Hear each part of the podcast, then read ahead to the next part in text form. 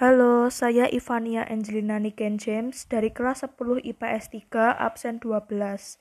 Hari ini saya akan membahas tentang tugas PHB Informatika.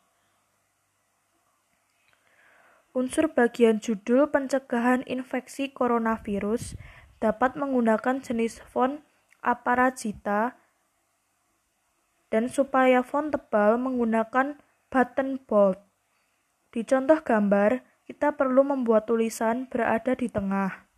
Maka, kita bisa meletakkannya di tengah menggunakan button center. Setelah selesai dengan judul, kita bisa menggunakan tombol enter untuk mengetik poin berikutnya. Untuk jenis font paragraf kedua, bisa menggunakan jenis font Andalus. Di contoh gambar, tulisan dicetak miring, maka dapat dilakukan menggunakan tombol button italic. Setelah selesai dengan pembukaan awal, maka dapat dilanjutkan dengan mengetikkan ke 8 poin. Upaya pencegahan terjangkit coronavirus.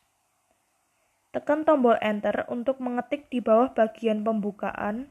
Untuk membuat button-button titik hitam kita bisa menggunakan tombol bullets.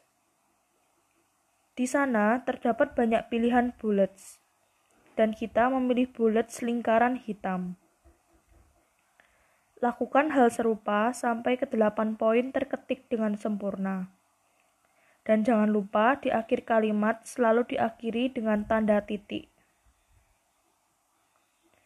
Setelah selesai dengan 8 poin, kita klik tombol Enter untuk mengetikkan paragraf terakhir.